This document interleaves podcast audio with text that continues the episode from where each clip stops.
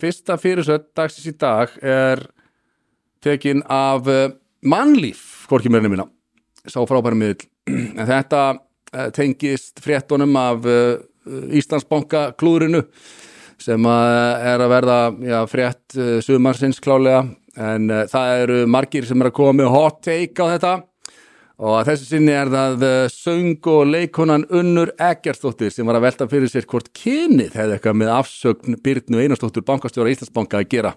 Já, það er sjóðandi heitt take skal ég segja ykkur.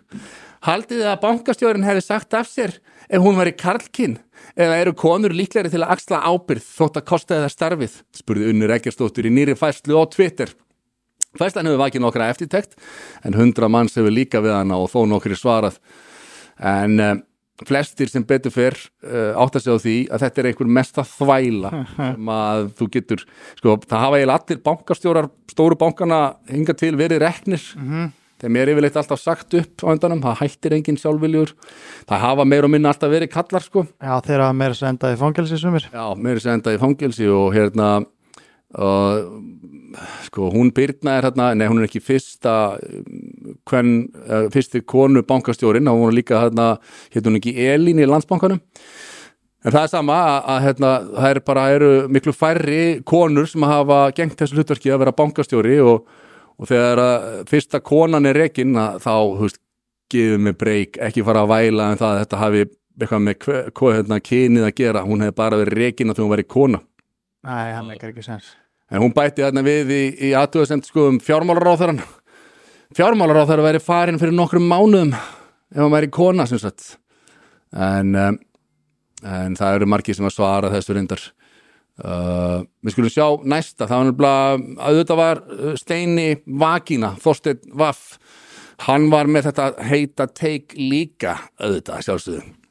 Hann ber ábyrðið velgengur að hans mati en hún þegar að illa gengur. Allt eftir bókinni, auðvitað tekur hún skellin. Hann er alltaf flottur, áfram strákar. Þetta er alveg, hérna, þetta er svo sem uh, viðbúið úr þessari áttinni, algjörlega.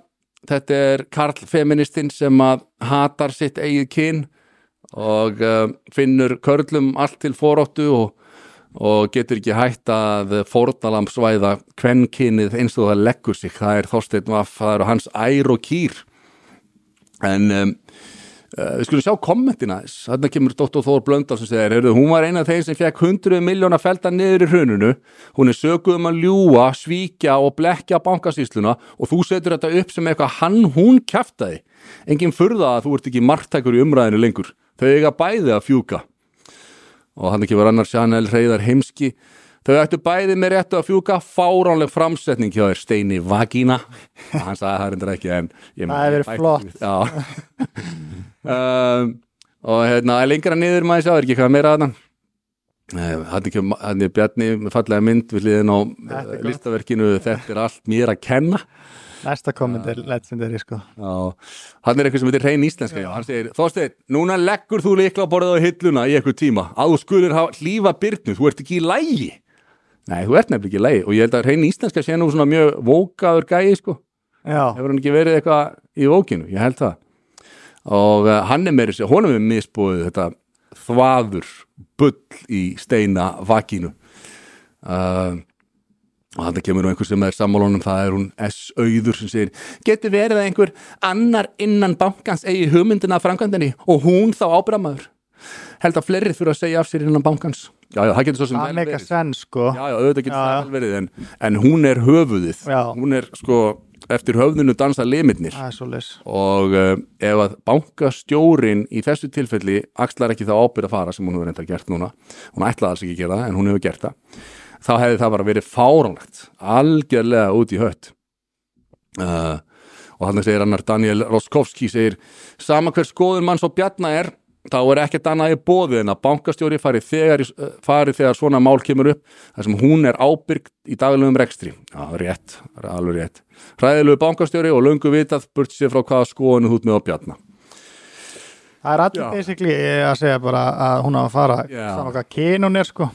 Akkurat, akkurat hérna, en þetta er þetta er hot take vikunar það er sem sagt að segja að þetta hafi bara kvenkinnið sem hafi komið þenni byrnu og kaldan klaka. Já og líka þú veist Íslandsbanki hugsaður fyrst og fremst um að græða pening. Þá væri náttúrulega algjörlega fáralt þeim að losa við kvenkins bankastjóra því þau þurfa að borga henni minni laun en kallkinn sko. Að Nákvæmlega, við erum að hafa þetta í huga.